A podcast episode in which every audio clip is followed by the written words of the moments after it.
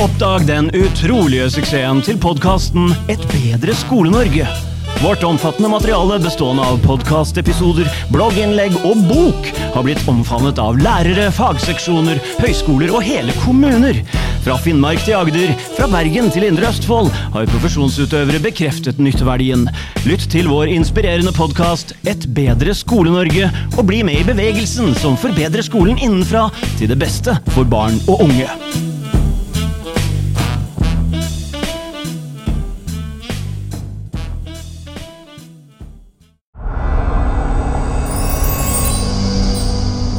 Bedre Skole-Norge. Skole-Norge. Velkommen til Et bedre Skole-Norge. I dag fortsetter vi å utforske fellesskapene didaktikk, og vi har med Helle Røble Hansen i dag også. Vi skal se på hvordan det kan forbedre undervisningen din. Vi tar deg gjennom definisjonen, konkrete eksempler og utfordringer med å integrere ulike perspektiver. Vi ser også litt på vurderingsaspektet og de langsiktige fordelene av fellesskapene didaktikk. Til slutt spekulerer vi i hvordan fremtidens læringsmiljøer kan dra nytte av disse konseptene. Heng med oss på denne pedagogiske reisen. Eh, velkommen hit igjen, Helle. Takk skal du ha. Et bedre Skole-Norge. Skole-Norge. Nå føler jeg meg på fornavn, så nå sier jeg ikke hele navnet engang. Bare for å ta en kjapp eh, repetisjon for nye lyttere. Eh, hvordan kan vi kort beskrive begrepet fellesskapende didaktikk? Fellesskapende didaktikk er en måde at tænke i et undervisningsvi på. Og det vil sige, det er undervisning, der dels tager udgangspunkt i vores viden om, hvor afgørende betydning elevfællesskabet har, altså gruppedynamikkerne har afgørende betingelse for det enkelte individs trivsel, lærende trivsel eller ikke lærende trivsel. Og samtidig så er det en undervisningsidé, der har til formål at samle elevgruppen omkring undervisning, frem for at sortere dem eller hierarkisere dem. Mm. Forrige gang så oppsummerte vi kort med at eh, det handler jo om kontekstnær undervisning, elev-til-elev-undervisning, og at det da skapes en ny autoritetsbalanse hvor lærerautoriteten styrkes og deles. Og det kommer jo også ut fra mobbeforskning, hvor man da skal skape et fellesskap for å unngå at det blir et fellesskap rundt mobbing. Men slik jeg tenker, så er det vel også litt sånn at uavhengig av mobbing, så er det kjempebra. Og det er en veldig god mulighet å utnytte, som eh, jeg vil påstå at lærere ikke har vært så veldig bevisste på. Jeg snakka litt med det tidligere i en annen episode med Kjerstin Overen om at eh, det er en undersøkelse i den grønne boka som heter Mobbeforebygging i et fellesskapsperspektiv, hvor eh, veldig få lærere sier at de planlegger for det sosiale når de skal undervises, selv om det er en annen klasse enn den de har hatt tidligere.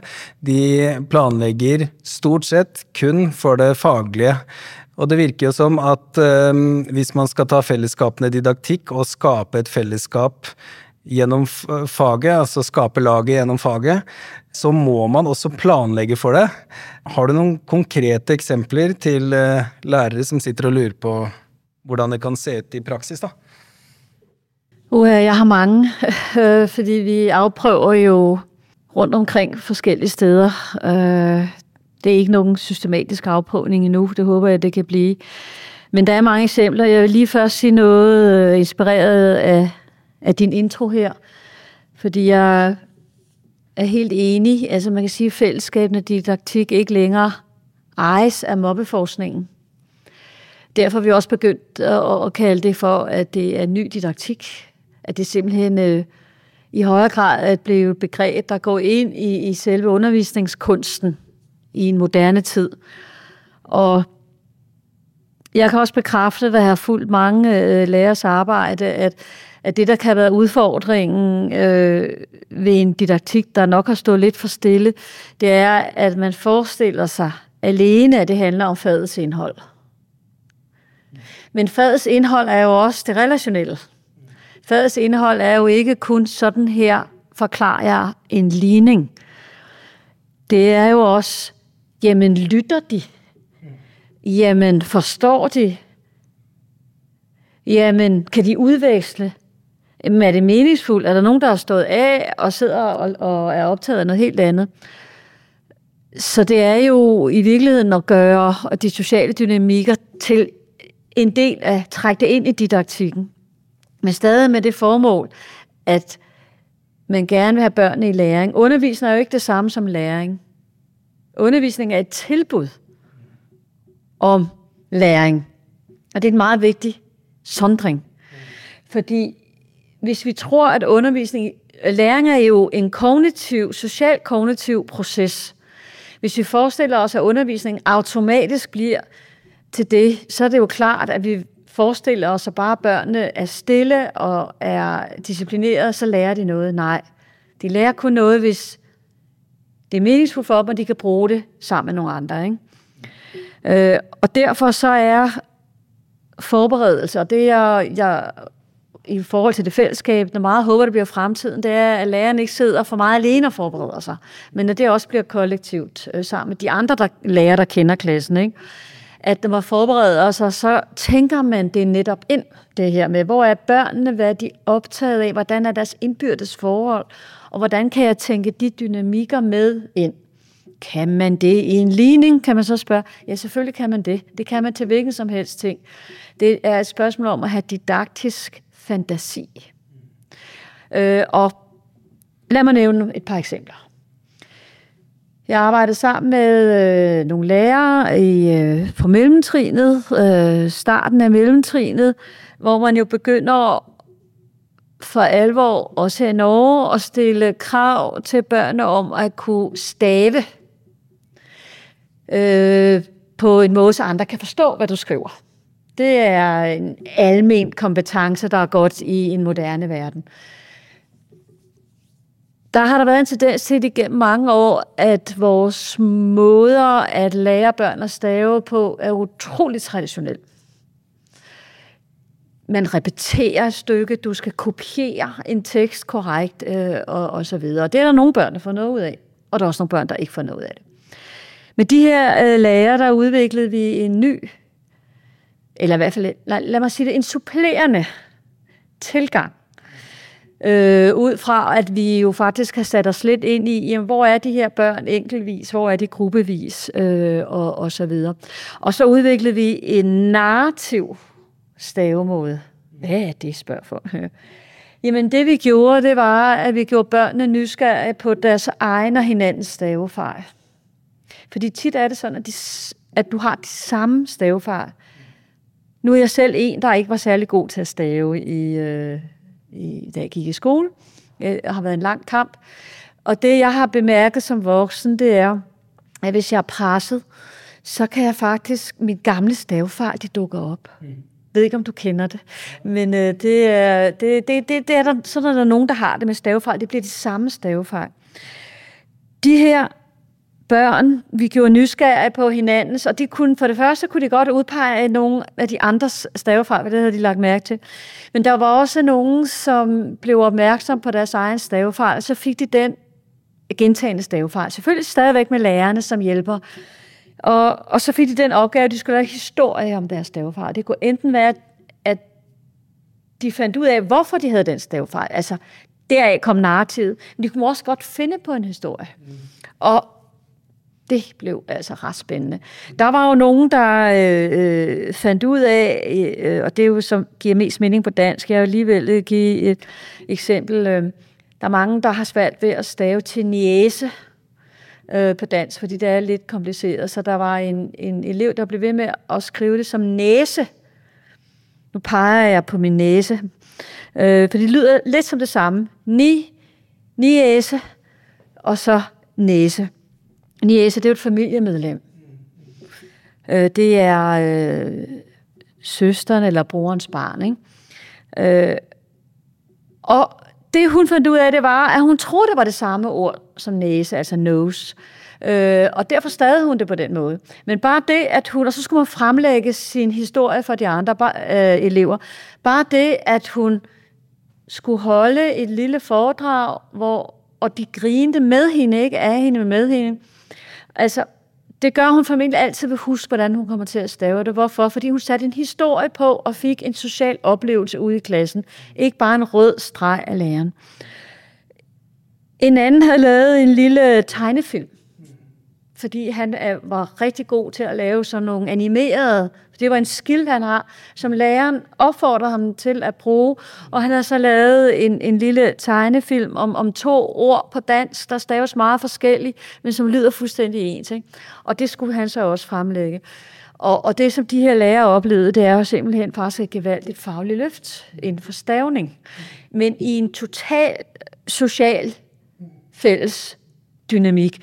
Og der sker også det, vi så er ved å undersøge nå, men det ser ut som om, den tendens er der, at du faktisk også opdager, at du havde nogle stavefejl, du ikke vidste, du havde, fordi du hører om de andres.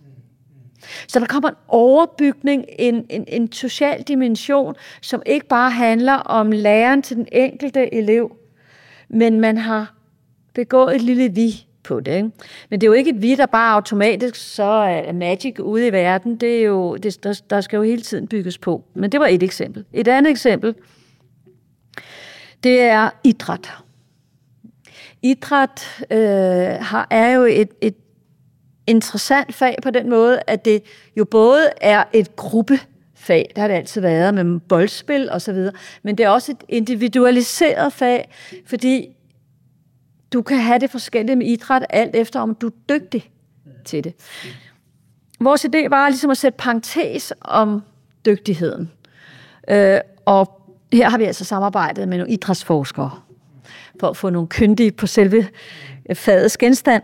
Øh, og, og de har simpelthen redefineret nogle traditionelle idrætsaktiviteter øh, i skolen for at forsøge at komme lidt væk fra, at det skal være højt præsterende, uden at det bliver kedeligt for de højt præsterende. Og derfor har man for eksempel, øh, i Danmark har vi et meget traditionelt skoleidræt, som man også bruger, når man ellers skulle have det rigtig sjovt og socialt, hedder rundbold, hvor man slår til et bræt til en bold. Jeg ved ikke, om det er lige så udbredt i Norge.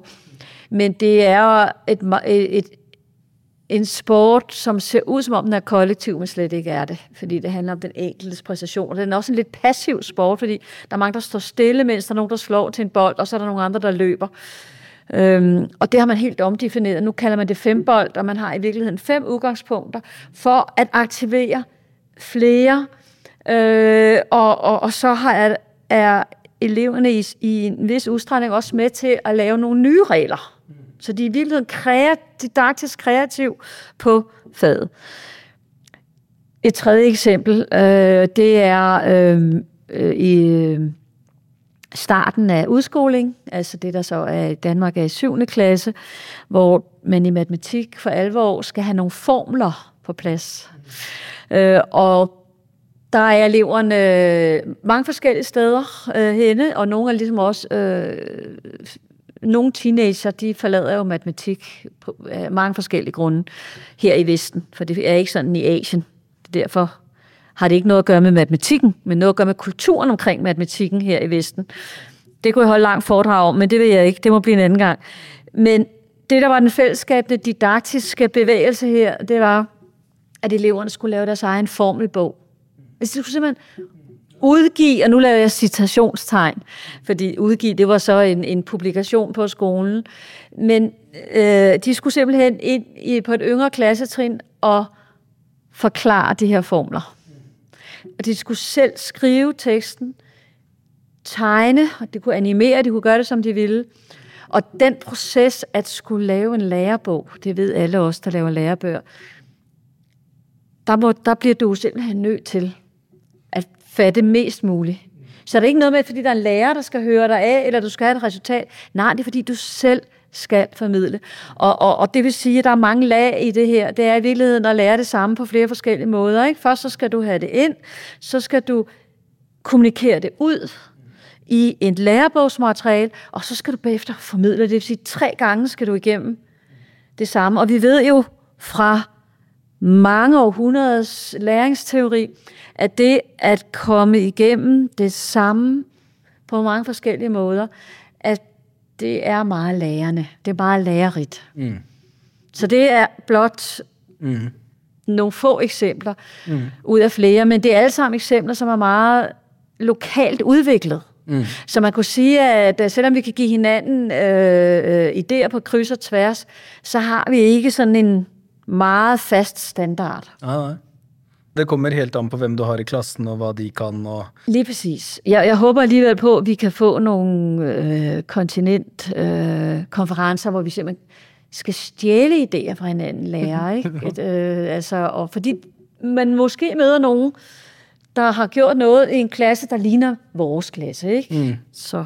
Mm. Men uh, også det med at uh, kanskje det er flere kulturer, og det kan være veldig mange ressurser i en klasse. da. Er det noe vi burde si om det, sånn veldig kort? At, uh, er det sånn at man kan bruke det digitale for å kartlegge effektivt. sånn at man, En ting er å ha én-til-én-samtale, men hvis man skal bruke 20 minutter på hver elev, så tar det fram til oktober plutselig, eller noe. Men man kan jo kanskje bruke digitale hjelpemidler til å kartlegge veldig fort, og så skjønne interesser og styrker og litt sånn, da. Det synes jeg er en god idé. Altså, jeg tror meget på blandet blended øh, kilder ja. til, hvordan man kan få et overblik her over øh, kompetencer på kryds og tværs. Mm. Øh, og, og der kan det digitale nogle ting. Øh, der er også noget, det digitale ikke kan, men vi lever i en digital tidsalder, og der, hvor jeg har lagt mærke til, det vi ikke må undervurdere, det er i øvrigt også, hvor mange af, af eleverne, der faktisk er øh, digitale talenter. Ja. Så udover til vores egen, udover man kan bruge det, som du nævner, til vores egen øh, kortlægning og overblik, så synes jeg også her, man kan trække på elever som medlærer. Vi så det under corona, da Danmark var jo nedlukket under længere tid, og børnene var til online undervisning. Og jeg fulgte som forsker nogle, øh, øh, det er jo en ny lærer, liv, at der kun var online. Øh, men der var et enormt interessant fund, og det var, at der var faktisk en del lærere, der opdagede nogle talenter, de ikke havde opdaget i den analoge skole, fordi nogle af de her elever med digitale kompetencer også er computergamere, og måske var lidt trætte om morgenen, fordi de havde spillet om natten, eller måske kom de slet ikke. Så der har været tendens til, at gamerne at de var lidt i periferien af skolefællesskabet, og man var lidt irriteret på dem. Men under corona, der blev de rykket ind. Hvorfor? Det var dem, der beherskede teknologien, og faktisk kunne være medlærer sammen med læreren. Det synes jeg var enormt interessant, og det siger jo selvfølgelig noget igen om, hvordan vi hele tiden kommer til at kategorisere dem, der kan, og dem, der ikke kan. Og så overser vi talenter. Og det her var jo tydeligvis et, et talent, der var blevet overset. Det var bare ligesom for at give en dimension mere ind på det digitale. Mm. Veldig bra. Tusen takk for at du ble med, Heller Abrahamsen. Det er en stor ære å ha deg med. Så da fortsetter vi videre til noen praksiseksempler. Nå skal vi snakke litt mer om hvordan man egentlig gjør fellesskapende didaktikk, fordi det er jo det det koker ned til. Det praktiske håndverket. Og vi har med Selma Therese Lyng, seniorforsker ved Oslo OsloMet. Og vi har med Tori Snerte, som er bonde, musiker og lærer fra Hemsedal, og hun har også en bred bakgrunn, bl.a. fra kulturskole. Velkommen eh, til dere. Tusen takk. Tusen takk. dere har jo jobba sammen i mange år, så vidt jeg skjønner, hvor du, Selma, er forskeren, og Tori, du er praktikeren. Og mm, dere er jo også med i den grønne boka som heter 'Mobbeforebygging i et fellesskapsperspektiv'. Og Der eh, står det bl.a. om noe som heter Ibsen-bobla. Og det er det vi skal snakke om eh, nå. Så, så, vil du ta det litt herfra, eller Selma, med å fortelle litt om hvordan man gjør fellesskapene didaktikk? Ja, så Det vi skal inn i her, det er jo én eh, eh, arbeidsform da, eh, som passer veldig godt blant mange, liksom. Som passer bra å gjennomføre fellesskapene didaktikk i. Og det er jo ikke sant, tverrfaglige prosjekter, og særlig kulturprosjekter. Og noe av bakgrunnen for at det kapitlet ble handlende om det, det er jo for det første at det nå med ny læreplan og alt åpnes og liksom eh, legges opp til mye mer tverrfaglig undervisning. Og da er, jo, sant, da er det jo spørsmål hvordan gjøre det så fellesskapene som mulig.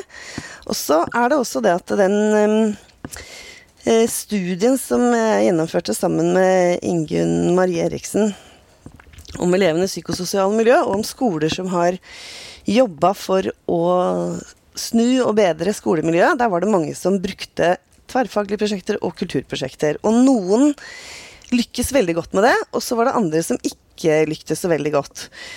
Og så det der med å, For der fikk vi liksom ikke gått i dybden på disse prosjektene. Men det å finne ut av hva er det som gjør at sånne typer prosjekter kan i realiteten bli fellesskapene i praksis, det ble veldig viktig, da.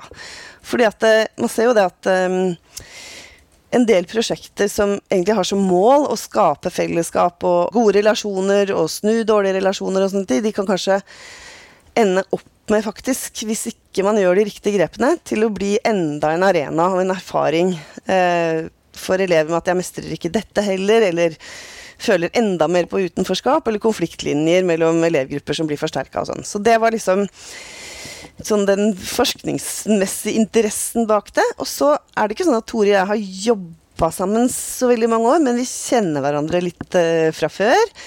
Uh, og gikk faktisk på ungdomsskole sammen. Dermed så har jeg fulgt og hørt da om utviklingen av det Ibsen-prosjektet som Tori med kolleger har gjort i Hemsedal. Og da, selv om det prosjektet starta eh, på en måte ikke som et sånt relasjons- og miljøbyggingsprosjekt, så hørte jeg mer og mer om hvordan de så hva slags effekter det hadde på miljø og relasjoner også.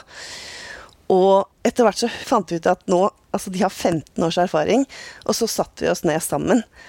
Tori Gerd Line, som vi jobber sammen med, og, jeg, og egentlig hadde veldig sånn inspirerende og gøy og morsom og liksom krevende også pingpongprosess, hvor vi prøvde å naile hva er det hva er det, Hvilke metodiske grep er det de gjør som er så viktig for at det skal ha de positive sosiale virkningene, da.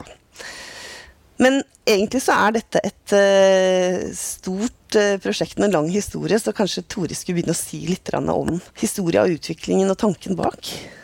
Da vil jeg aller først si at alle som har holdt på på gulvet så lenge som jeg har gjort, da, som musikklærer og kulturarbeider, Eh, alle skulle få oppleve å møte en skikkelig engasjert forsker som setter det du driver med, inn i et, eh, et rute, på et ruteark og forteller deg hva du driver med. en historisk kontekst, eh, fordi det her har vært så, et sånt Askeladden-prosjekt. Du, du, finner noe, hva kan jeg bruke det til?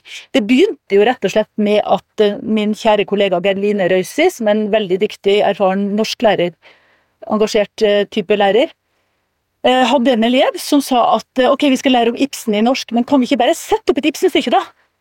Og så visste hun at jeg var musikklærer, og at jeg er sånn som gjerne lager store produksjoner. Syns det er kjempegøy å lage produksjoner, syns det er gøy å finne nye lokaliteter, nye måter å gjøre ting på. Um, og liker å jobbe med store grupper. Så hun sa til meg går det an å koble det med musikkfaget.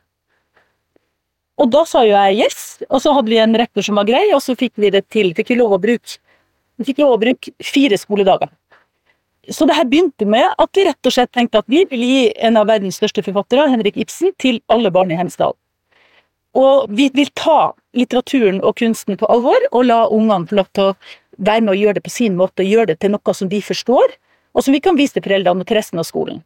Så at vi viser det til et større publikum. Ikke bare foreldreforestilling, men til hele skolen. Så ble jo det her veldig mye mer vellykka enn vi kunne ha drømt om, og vi begynte, vi var jo ikke snø, vi begynte med Per Gynt første året. Eh, og hadde en fantastisk regissør, og valgte da å gå til rektor og si at kan vi være så snill å få en regissør utenfra? For å få noe liksom friskt pust, et friskt blikk, et annet blikk inn til, for elevene sin del, og det fikk vi. Så oppdaga vi jo masse, massevis underveis. Altså fra at vi først tenkte at vi vil jobbe med litteratur og musikk og lære barna kunst og kultur skikkelig, så begynte det her å ta veier som vi ikke ante om, og så kom vi inn, som Olav H. Hauge sier, på en våg som vi ikke visste om. Plutselig så merka vi at eh, fellesskapet i klassen ble styrka av det her. At elever som egentlig var sjenerte, og som ofte ikke ville fram, begynte å blomstre. At elevene fikk lyst til å jobbe etter skoletid. Vi ba om å få lov til Kan vi få overnatte på skolen i helga, kan vi bare jobbe videre, vi vil at det her skal bli så bra. Og så oppsto det som vi, som du Selma kanskje kan si litt om, som vi har, vi som er på gulvet da, kaller for Ibsen-bobla. For det er vår måte å snakke fag på. Men vi jobber i Vårt grep kalles for Ibsen-bobla. Ja, Det som jeg har tenkt på når du sier det med Ibsen-bobla, det er jo Og som du nevnte også, det der med regissør utenfra. Det er jo når jeg liksom skulle knagge det litt analytisk, så er det det dere, dere gjør en del grep for å lage en slags unntakstilstand. Og at det er liksom et viktig grep for å eh, egentlig liksom? For vi kommer jo så fort inn i vante roller og mønstre. Både voksne og barn, egentlig. I skolesammenheng. At, og det er liksom vanskelig å komme ut av det. Men at dere lager det, det, Jeg husker dere snakket om at når dere velger regissør, så tenker dere, og, og andre krefter utenfra, så prøver dere å velge noen som er litt utafor boksen, som ikke er helt A4. Og hva, hvorfor det? Jo, det, det, er fordi at det prosjektet her handler jo om at alle ungene skal oppleve mestring i møte med kunst og kultur. Eh, og at de skal ikke føle seg ensomme, det er veldig viktig for oss. At de skal føle at de blir en del av et konglomerat. De blir en del en, av et smykke med mange mange ulike steiner på. Alle er helt forskjellige, alle blinker på forskjellige måter, alle har forskjellig farge, alle er forskjellige. Og for at folk skal tørre å vise fram sin indre bergkrystall, sine rare realiteter og, og, kreative innspill som man har inni seg, som kanskje særlig gutter, vil jeg si, ikke tør å vise fram i den alderen der, for nå snakker vi om tiende klasse. Så trenger de at vi som jobber med de, er litt lille og gal og litt bustete på håret, og, og, på en måte er litt morsomme og det er litt fart i oss. Og så blir de også med, og så blir det en sånn eh, ja, litt sånn mm. sirkusstemning som man trenger for å få til det her, da. Og det dere også gjør, det er at selv om eh, på en måte forberedelsene og jobbingen, den tverrfaglige jobbingen da, med prosjektet starter ganske tidlig etter skolestart, på en måte, på høsten, så jobber dere fram til det, men så har dere det som blir bobla. En kortere periode med en unntakstilstand. Ja. Jeg kan fortelle litt, bare helt sånn kort prosessen, så folk, men jeg vil anbefale folk å lese den fantastiske boka som vi har fått et kapittel i, for der står det litt nøyere beskrevet. Men, og det er bare å ta kontakt hvis man vil ha et oversendt skjema for hvordan vi jobber. Så har vi masse arbeidsdokumenter som vi kan dele med andre. Men det vi gjør, det er at vi bestemmer oss for et stykke, og hvert år tar vi et nytt Ibsen-stykke. Vi liker ikke å gjøre det samme. Det skal være nytt, det skal være en friskhet over det. Så vi tar et nytt stykke, og vi finner en regissør, og vi kutter ned manus. Så oversetter vi faktisk manuset til dialekt. Så det her har også fått en egen dimensjon ved at det, det blir oversatt av ei som heter Sønnev Skrede, som er kjempedyktig til det, til et ganske moderne Hallingvoll. Um, parallelt med at vi gjør den prosessen, så elev, begynner vi å fortelle elevene om, uh, om, selvfølgelig Ibsen, om det stykket vi skal jobbe med. Og så, og nå har jo det her blitt en institusjon, så alle ungene, siden har holdt på i 15 år, så har jo alle ungene sett mange Ibsen-forestillinger allerede, og de har gleda seg siden de gikk i 5. klasse, til at de sjøl skal stå på scenen og ta del i Ibsen-bobla. Eh, sånn at uh, de, de, har, og de har sett, de har liksom sett han derre Petter som var så sjenert, som sto på scenen og hadde en hovedrolle, eller, eller hun Olga som aldri har dansa før, som dansa, eller så De har sett det før. Så de tenker at selv om jeg er ikke føler meg så veldig slank, eller selv om jeg ikke føler meg så veldig lur og smart og skoleflink, eller selv om jeg aldri har sunget mikrofon før, eller et eller annet. Så når hun klarte det, og når han klarte det, så skal nå søren meg jeg klare det. Så de er liksom klar for ei utfordring. Og så får de et skjema, og der må de fylle inn hva har du mest lyst til. Det er kanskje 20 spørsmål um, i forhold til Ibsen-prosjektet. Og så sier vi helt fra start at uh, dere får ikke lov å velge. Det er vi som bestemmer. Vi bestemmer, men vi ønsker å høre deres ønsker. Og så får alle gjøre noe de vil, i tillegg til at de får noe som er en utfordring. Da.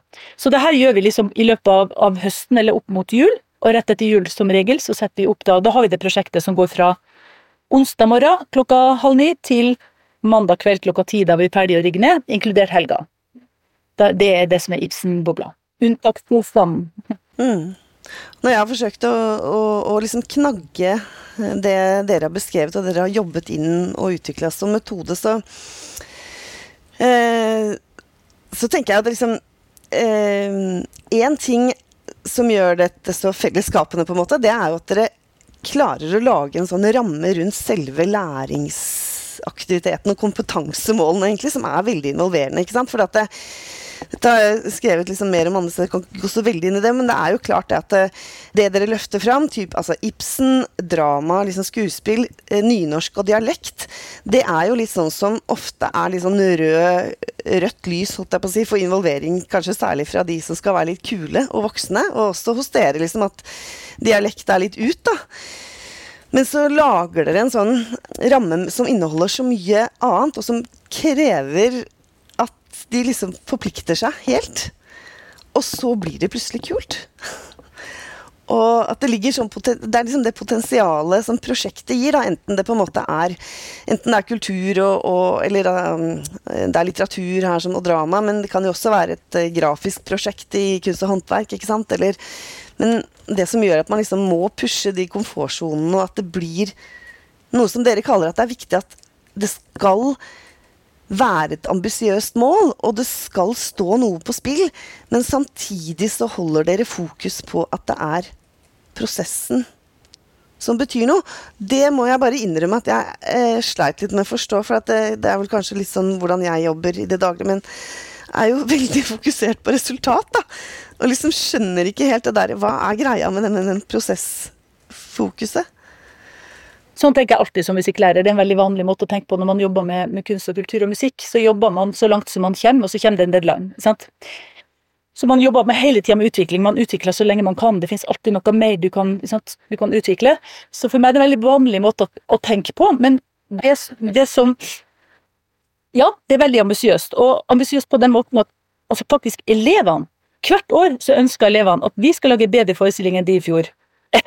og vi vet jo at det er, her er jo helt usammenlignbart. Du kan ikke sammenligne en folkefiende med villanden uansett. sant? Det er ikke sammenlignbart. Men, men eh, vi ønsker å yte enda mer, så det ligger en sånn derre Men det er et kollektivt mål. sant? Det er ikke hver, hver enkelt som er ambisiøs, det er vi som gruppe. Og det eh, Jeg vet ikke akkurat hva som er trylleformelen, og det ser jo du Selma bedre som ser det utenfra enn oss, men vi, vi har på en måte klart å lage en tradisjon som er sånn at de vet at de skal, de skal løfte i, i flokk. Og, og nå har det jo blitt sånn at det kommer elever bort til meg eh, og sier liksom, kanskje lenge før eller samme dag, eller kommer bort til Geir Line, min kollega, og sier at eh, jeg kommer ikke til å stå på scenen. Jeg nekter å stå på scenen, jeg skal ikke stå der på forestilling. Og så sier vi det er helt greit. Det gjør ingenting. Det som er viktig, er prosessen. Du må være med skikkelig nå. Du kommer til å få det så gøy. Du må være med onsdag, torsdag, fredag. Bli med i helga. Sett deg lørdag søndag. Bli med. Gjennomfør teknisk prøve, prøve på søndag ettermiddag. Gjennomfør generalprøven. Har du gjort det, så kan du få beste karakter. Det går kjempebra. Forestillinga på mandag er null viktig. Da er det skoleforestilling og, og sånn. Men til og med generalprøve, det er det som er viktig. Det, det er prosessen. Og, og, vi, og vi løser det. Hvis du ikke tør å synge, så vil Petra synge solo, eller hvis du ikke tør å danse, så blir det en danser mindre. Det gjør ingenting. Men vær med. Bli med. Uh, og det som skjer da, og kan du si, det er veldig ambisiøst, mange, mange andre lærere syns at det er brutalt å jobbe på den måten, men min erfaring er at det som skjer, det er at de er kanskje kvalme, og det er skikkelig vanskelig, og de, de, de, de, går over noen grenser sjøl i løpet av de dagene. Men omtrent alle velger Altså, det er nesten aldri det skjer at ikke folk også gjennomfører skoleforestilling og, og, og åpen forestilling på kvelden. Fordi da har det blitt et fellesskap. Da har det blitt det inkluderende fellesskapet der de ønsker å være en del. Og det ligger mye motivasjon i å ikke ha lyst til å svikte et fellesskap. Skjønner du? Selv om vi hele tiden at det er ikke farlig om du ikke synger solo. Vi bare dropper den scenen. Det er prosessen som er viktig. sant? Men likevel så får de lyst til å bidra. Lyst til å bidra inn i en helhet. Så på en måte litt sånn i livsmestrings- og robusthetsdiskursen, da, så kan man si det, altså Dere pusher dem liksom til å på en måte tørre å ta inn for laget også når det er på det skumleste, på en måte. Fordi at det er trygt. Det er en trygg ramme tross alt å gjøre det i. Og det her er jo en metode som, som på en måte har utvikla seg over tid. sant? Eh, Jeg vil jo si, For å si det veldig enkelt, så, så jobber vi sånn go with the flow. Altså Vi jobber der det finnes energi. Der det finnes lyst og energi hos elevene, der jobber vi. Og så suges de andre elevene mot det energifeltet. sant? Mm. Så hvis det er en som sier at 'jeg har lyst til å lage et ekstra dansenummer', en som vil være med, og så blir det to-tre med, og så blir det fire-fem til, og til slutt så er det kanskje hele jentegruppa som er med på det ekstra dansenummeret. Så ting på en måte Men vi, vi begynner der det finnes en lyst og en, en, en idé, da. Eh, og så gjør vi en ting som jeg tror er viktig, det er at hver dag, allerede fra faktisk onsdag, da begynner vi halv ni. De får manus utdelt klokka halv ni, de har ikke sett det før, og begynner begynne å pugge replikker. Allerede onsdag ettermiddag så har vi møtes i siste kvarter av dagen, kanskje til og med før lunsj, ti minutter, og så viser vi fram ting. Og da viser vi fram work in progress. Så langt har de kommet på dansen, 20 sekunder dans. Se på det kostymet her, blir det kult? De lurer på om scenografien skal være sånn, tror dere det er en god idé? Eller se hvor fint han har tegna. Han har lyst til å synge den sangen, nå får dere høre refrenget, han ønsker mange med på, på ikke sant? Og dermed så deler vi hele tida, og de overraskes. Altså overraskelsesmomentet her. Den, den skattejakten der elevene går på skattejakt i seg sjøl og i gruppa, der de liksom oppdaga 'herregud, så masse talent i den klassen her, det visste jeg ikke'. 'Herregud, så masse gøy'. Så flink du var til å danse! Og, de, og så har vi som grunnleggende regel at det er bare lov å gi positiv feedback. Det er ikke lov å kritisere, det holder vi veldig høyt. Det finnes bare to lærere her, det er Gerdin og meg, som instruerer, og som eventuelt kommer med type kritikk hvis det er nødvendig. Det gjør vi nesten ikke. Men elevene får bare lov til å sette ord på. Så vi har alltid sånn runde Hvis én synger en sang, så er det sånn alle må komme med positiv feedback til det. Og da blir alle sammen ti ganger så gode som de vanligvis er. Si litt at liksom det som på en måte skjer gjennom liksom Løfter det opp da, av sånn fellesskapingsdynamikker, det, eh, det er jo liksom det at eh, elev, dere lager en ramme da, og et opplegg og er så tett på, på en måte, som gjør at eh, elevene utforsker nye roller og, og, ressurser som de har. At dere på en måte og de andre er på jakt etter ukjente interesser og ressurser i elevgruppa, da, som dere forteller mye om også i det kapitlet. Og, og det er jo Det klinger så veldig i det som mange elever har sagt eh, i intervjuer, som vi har gjort tidligere også, at det, elever ofte ønsker seg at de blir mer kjent med hverandre som hele personer, som de sier. da, Med liksom sider ved seg sjøl. For det, det, blir fort så snevert da, i den elevkulturen som setter seg i vanlig skolehverdag. Og også at dere pusher på både gjennom det med grepet med regissør, og at liksom alle må øh, utfordre komfortsonen sin, også at det der er grensene for normalitet blir utfordra, og det tenker jeg i, i lys av, av, det vi vet f.eks. innenfra mobbeforskningen, ikke sant? hvor det er så sterk dynamikk, eh, særlig liksom fra mellomtrinnet oppover, at elevene liksom prøver å være så normale. Da, og, og liksom, definisjonen av hva som er normal, blir så snever. Og det ligger under og driver mye mobbedynamikker også. Så, og at dere klarer liksom å, å, bygge relasjoner på tvers av grupper og statushierarkier. Og jobbe veldig med at de skal jobbe i forskjellige Altså det er ikke én gruppe, da skal de være sammen hele prosjektet, liksom, men det er hele tiden sånne skifter. Det, det, er en veldig viktig del. At de, de, får, eh, de får, ikke velge grupper sjøl. Vi lager grupper. Og vi, vi, setter gjerne sammen manuset med Kanskje vi deler opp i fire, scener, fire, fire hovedgrupper, kanskje. Så at vi har mange hovedroller. Eksempel i Hedda Gabler så har du kanskje tre eller fire forskjellige Hedda. Sant? For å få flere roller. Og da er vi veldig bevisst, for vi kjenner jo elevene fra før. Sant? Vi er kjempebevisst på Der, der gjør vi jo sosial, eh, psykososialt arbeid i måten vi fordeler ressurser og problematikk, eller hva man skal si, og likes og dislikes utover, da. Mm. Uh, og så er vi også veldig tydelige. Det var f.eks. en gang en, en, gutt som var kjent for å ikke være hyggelig, som det var, kanskje lå en sånn paragraf 9a i lufta på, um, som, uh, som, kom bort til meg og hadde lyst på en stor rolle. Og da, da er jeg helt spontan, så sier jeg skal du ha en stor rolle? Ja, altså Hvis vi skal ha folk i store roller, så skal det være folk som kan være gode ledere som inkluderer alle. Vil du si at du gjør det? Nei. Så hvis du har tenkt deg en stor rolle, jeg vet det bor en skuespiller i det, da skal du F punktum, punktum, punktum, punktum, oppføre deg ordentlig. Og så er jeg veldig direkte på det. Og så ja, jeg lover, jeg lover, jeg skal Ja, greit. Jeg syns det er kjempekult hvis du vil gjøre det. Ja, jeg skal det, jeg skal Og gutten snudde jo. Altså, det er så et av mm. sånne eh, så det prosjektet her gir også muligheten for folk til å ta nye roller og andre roller, fordi det er en leik. Det er et rollespill. sant? Du kan velge å teste ut en ny rolle. Mm kan være snill, eh, good guy i stedet for bad mm. guy. Eller du kan, være, du kan stå og danse på scenen akkurat da, eller du kan skrike høyt selv om ingen har hørt stemmen din før. Fordi det er bare i teatret. Det er bare mm. du. Mm. Men så kan du også velge å fortsette med det. Mm. Og det ser vi jo.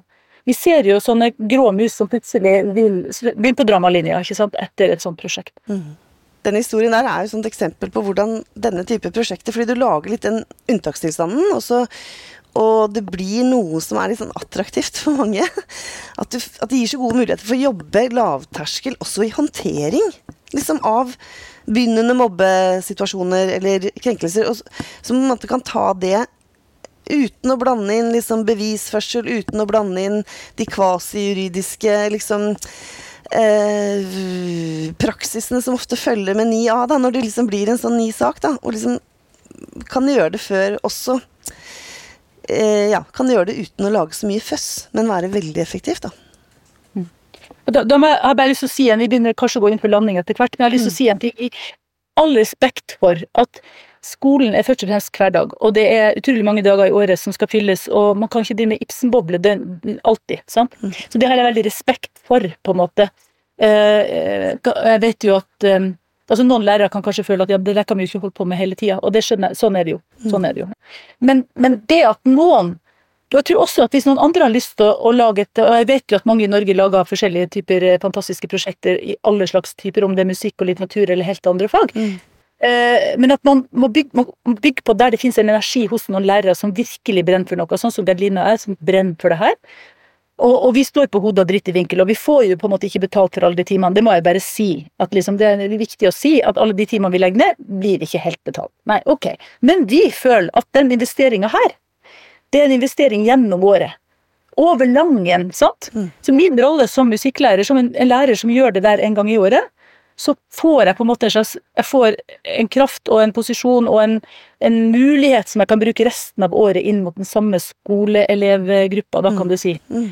Nå sitter jeg skikkelig stein... Eh, nei, nå sitter jeg ikke i steinhus, jeg sitter i glasshus som eh, rektor. Men eh, altså, hvis man ser for seg at man uansett har sånn 43,4 timer per uke, og så i stedet for å bruke alt det på f.eks. vurderingsarbeid, og sånn, så kan det hende at det er mer produktivt å bruke det på noe sånt her, en pott i året, hvis man tenker sånn. da. Det er jo mulig å se for seg hvis man ja, Men eh, jeg skal ikke kaste flere steiner inn i det glasshuset jeg sitter i. Åssen eh, er det med det som eh, er elefanten i rommet, som Steffen Handal sa i sin tid om fagfornyelsen, er jo vurdering. Kan du si noe kort om hvordan dere vurderer det, det de gjør da, Tore? Det vi gjør, det er at vi da begynner vi å få gode erfaringer der. For å være helt ærlig, så da vi begynte, så tenkte vi ikke på vurdering, men det er jo også 15 år siden. Da var ikke det så i fokus som det er nå. Men etter hvert så har vi jo sett at du får sett elevene så utrolig godt i løpet av det, den uka, og i løpet av det forarbeidet, men særlig den Ibsen-bobleuka. Eh, så vi gjør notater hver dag, både, både vi som er norsklærer og, og meg, og en som heter Ingunn Holte, som faktisk har skrevet en eh, masteroppgave om Ibsen-prosjektet, som er veldig interessant. Eh, hun er også med nå i teamet, pluss at vi har en del flinke assistenter med, som har vært med mange ganger, de fleste av de. Eh, og, og vi gjør notater hele tida på, på, det som skjer. Eh, så vi vurderer jo Vi lar jo innsatsen være veldig, veie veldig tungt her. Og det er egentlig ikke vanskelig. og Du, du må gjerne si litt mer om det, Selma, fordi at du er flinkere enn meg til å uttrykke deg kort om det der. Det med vurdering er noe av det verste jeg vet i hele verden. Eh, jeg er veldig opptatt av at i teater, og i kunst og kultur så sier vi at det er ei tid for å kreere og ei tid for å evaluere. Og det er veldig viktig at elevene glemmer å vurdere seg sjøl den uka, for hvis de driver og vurderer seg sjøl, så får du individfokuset. Og den uka så oppheves individet, vi går inn i en kollektiv boble, som er Ibsen-bobla. Eh, sånn at vi, vi, voksne vi gjør notater hele veien, nøye notater, men det lar vi ikke elevene få inntrykk av i det hele tatt. Elevene har en følelse av at vi bare vurderer kollektivet. Men vi gjør vår vi må jo det, så vi må jo komme ut. Og vi har, det er ikke vanskelig, vi er alltid veldig enige til slutt. Så får de en karakter på Ibsen-prosjektet som er en samla karakter, der det finnes en musikkarakter, en norsk karakter, som går inn i en prosjektkarakter, og som veier ganske tungt i det semesteret, da. Som, men du må gjerne si noe mer, Selma, for du er med på det. Ja, nei, jeg tenker sånn, Hvis man liksom løfter opp og tenker vurderer, hvordan vurderer dere gjennom så, så, er det jo det at dere egentlig m, bruker veldig forskjellige typer Altså kombinerer forskjellige typer uh, vurdering, egentlig. At dere har underveis i prosjektet har, har den der um, hverandrevurderingen også elever som dere rigger til, ikke sant, med at at de hele tiden skal vise ting fram for hverandre underveis, og hvor det er på en måte lav terskel, og ingenting er ferdig. Og hvor dere jobber mye med den settingen at det skal bare være positivt. Er, de lærer jo. Det er jo en hverandrevurdering de lærer også. Og så er det det at dere gjør disse underveis. At dere gjør underveisvurderinger. Og så, og så er det det at dere egentlig på slutten har en ganske sånn formell og høytidelig ramme rundt sluttvurderinga, har dere ikke det? Jo da, da har vi kake og te, og så sitter vi inne i et, lys med et rom med stearinlys, jeg og Berline sammen. Og så, vi, så inviterer vi igjen en elev inn, og så får de litt kake og te, og så vi, spør vi om hvordan de hadde det, og så forteller vi alt det vi så. Da har vi skrevet ganske nøye i fulle setninger tilbakemelding på alt det vi så. Da drar vi også bare fram det som er positivt, og så får de en karakter. Mm. Så, og den, den, ser de veldig fram til. Den er, det er veldig høytidelig og veldig, veldig fint, egentlig. Så det er liksom det at det er sånn blanding av forskjellige former, og egentlig helt til det liksom formelle og høytidelige på den ene sida, liksom, og det derre som du nesten ikke merker at du gjør uformelle underveis. Hvis det, hvis, du, hvis det funker for deg å si det sånn. Ja, Ja. det som også skjer med Ibsen-prosjekt, og det mener jeg jo helt reelt, altså det er jo liksom Vygotsky, altså at man som stiller oss bygging, ikke sant, at det, vi, man klarer å løfte i flokk. Så når alle guttene i en klasse sto og sang 'Den fineste veit' av Hellbillies, og nesten ingen av de har sunget før, eh, så- sant? plutselig så er det to som sier 'ja, men vi gjør det, vi gjør det, kom igjen da, kom igjen da'. Og så til slutt så får de med noen som står og mimer, og så sier jeg ja, det er tre måter å synge på. En måte er at du bare mimer, men det ser ut som du synger. Den andre måten er at du synger med svak stemme, og den tredje er at du synger sterkt. Du kan velge sjøl. Men så står alle der, og alle har en mikrofon, ikke sant. Eh, og det gjør jo at de går opp en karakter i musikk. Sant? Så, så det som skjer, er jo at eh, det vi ser, det er at Ibsen-prosjektet det er jo seksere, femmere og firere, og det er helt reelt. Det, det er ikke noe sånn fordi vi er snille, det er bare det at det oppstår en, eh, De klarer veldig mye mer i den settingen som vi klarer å skape, og i den fellesskapende måten vi jobber på. da. Jeg lurer på om vi da skal begynne å nærme oss slutten, men jeg må bare si det også En ting jeg tenker på rett som det er, er klasserommet som læringsarena. At vi burde utfordre det litt mer, og det du sier der, bekrefter jo det veldig. da, At, vi, at de kanskje lærer mer når de kommer eh, og opplever et prosjekt som de har lyst til å jobbe mer i, og det er eh, på en annen arena, kanskje. Men jeg må også si at eh, vi også har en del prosjekter, og da hender det Sånn, sånn det begynte for oss med tverrfaglighet, var jo at noen ganger så så blei de så kunstige at man bare liksom vil kombinere fag for enhver pris, og så blir rapporten på engelsk, eller det blei litt sånn Ikke naturlig, da, men eh, så har vi fridd oss litt fra det, da, sånn at nå blir det sånn at vi først lager et bra prosjekt, og så hekter vi på faga etterpå, men det kan også bli litt for fritt andre veien. da. Men det her hørtes jo ut til å treffe på alle punkter med at det både er faglig at man får til hele den sosiale dynamikken og, og alt sånt. Da oppsummerer jeg kort, og vi ser jo det at eh, Tori Snerte og co. oppe i Hemsedal har fått til skikkelig bra fellesskapende didaktikk i praksis med Ibsen-bobla. Hvis jeg skal prøve å oppsummere det her i noen få punkter, så vil jeg vel si at det er viktig å skape en følelse av at noe står på spill, at det er en unntakstilstand, og at vi må gå inn i det sammen. Vi må involvere de som er i frontlinja, altså elevene må føle at de må bidra her. Det må bli skapt et slags gyldig vi, som vi skal snakke mer om. Og det er også viktig at det er et mestringsklima der hvor alle føler at de kan gjøre feil, uten at det blir noe sånn eh, veldig strenge sanksjoner. Og så er det sånn at i det fellesskapet så oppstår det en hel masse utvikling.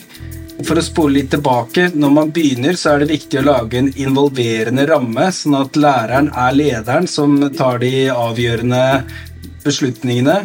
Men det er viktig at prosessen er gjennomsiktig og fair, sånn at man også beholder tillit, sannsynligvis, som leder, vil jeg anta. Det minner meg faktisk veldig om noe som vi har blitt veldig inspirert av, som heter Westergårds strategiske prosessdesign, måten man kjører prosessene på.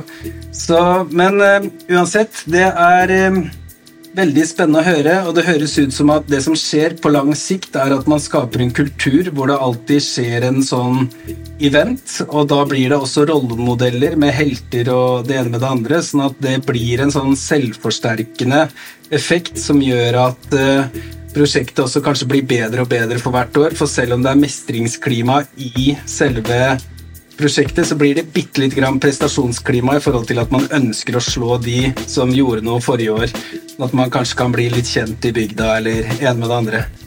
Ok, tusen takk for at dere var med, takk for at dere hørte på. Bli med, gjør Skole-Norge bedre. Det gjør i hvert fall vi, så sleng dere med. Vi høres.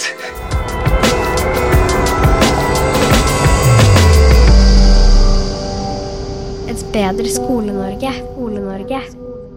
Du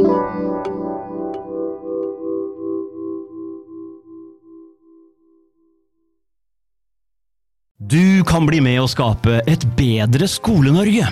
Podkasten har allerede rundet 100 episoder, fulle av forskningsfunn, oppskrifter, suksesshistorier og praktiske løsninger. Gjør som 60 000 andre, eller hver tredje lærer i Norge. Bli med på reisen mot å skape en bedre fremtid for barn og unge. Et bedre Skole-Norge.